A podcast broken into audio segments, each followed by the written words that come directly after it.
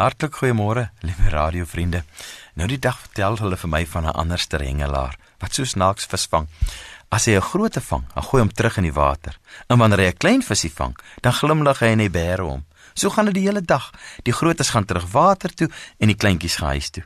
Toe vra 'n man vir hom: "Vir wat vang jy nou so man? Ons hou die grootes. Vir wat hou jy die kleintjies?" "Nee," sê hy. "My vrou het net 'n ou klein braaipannetjie daar by die huis." So maak ons met die lewensgeleenthede wat ons van die Here kry. Ons laat dikwels die grootes liewer verbygaan. Dan is ons die mense wat kla oor die min kansse wat ons in die lewe het. En dit terwyl ons 'n lewe het met volop geleenthede en baie groot uitdagings wat die Here vir sy kinders gee. Het hy dan nie vir ons die vensters van die hemel oopgemaak nie?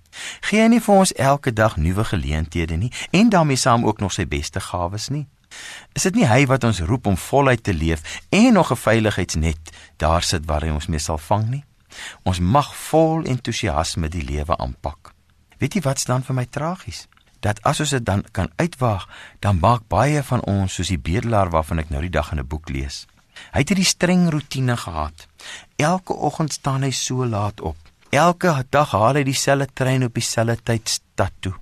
Dan sit hy in die trein met sy stikkende klere en 'n opgevrommelde kardoesak op sy skoot. En dan gaan staan hy op sy veilige plekkie op die hoek van twee strate naby 'n gewilde toeriste aantreklikheid en dan bedel hy daar. Professioneel.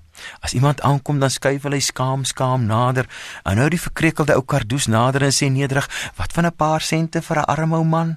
Vanaand gaan hy weer op sy tyd huis toe met die trein om daar aan sy deur mekaar huis sy kardoes met geld te gaan neersit om môreoggend maar weer op te staan en die rotine te hervat. Nou so dit baie jare aangegaan tot hy op 'n dag dood is. Toe moes die polisie en sy bure in sy ou huisie ingaan. En wat kry hulle daar? 'n De mekaar plek met hoope en hoope kardoesakke vol klein geld. En toe hulle dit nou bymekaar sit, toe sien hulle die boemelaar het oor die jare meer as 'n miljoen bymekaar gemaak. Al die tyd het hierdie miljonêr soos 'n kerkmuis geleef. Ons maak ook so. Hemelryk kinders van God wat glo daar val vir ons net krummels van die tafel af. Skatryk, maar te gelyk straatarm. Onnodig bekommerd oor die lewe. Vir wat is jy so bekommerd oor die lewe? Ja, die rentekoerse is nou op. Die ekonomie groei nie volgens verwagting nie. Daar is te veel misdaad in ons land en dan gaan dalk vir baie van ons minder kansse wees. Maar koningskinders begroot tog nie soos bedelaars vir die lewe nie. Dit leer Jesus vir ons in Matteus Daar by hoofstuk 6 vers 31 sê hy: "Julle moet julle dus nie bekommer en vra wat moet ons eet of wat moet ons drink of wat moet ons aantrek nie. Dis alles dinge waaroor die ongelowiges begaan is. Julle hemelse Vader weet tog wat julle alles nodig het. Nee, beywer julle allereers vir die koninkryk van God en vir die wil van God, en dan sal hy julle ook al hierdie ander dinge gee." Seker dit dat Jesus destyds en vanoggend vir ons sê, Kyk na die voëls van die hemel. Julle hemelse Vader sorg vir hulle. Kyk na die veldlelies. Ons hemelse Vader klee hulle met soveel pragt. Hou op om die grootes terug te gooi. Benut die geleenthede wat God gee.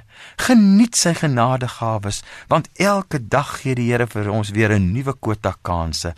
Elke dag sorg hy op elke terrein. Dis daarom dat hy vanmôre weer in Matteus 6 vir ons sê: "Julle moet julle nie bekommer en vra wat gaan ons eet of wat moet ons drink of wat moet ons aantrek nie? Vriende, dis dinge waaroor die heidene begaan moet wees. Ons hemelse Vader weet wat ons nodig het. Leef dan voluit in sy koninkryk. Maak ten volle van sy leefruimte en sy kansse gebruik en dan beloof hy dat hy al hierdie ander dinge vir ons sal gee.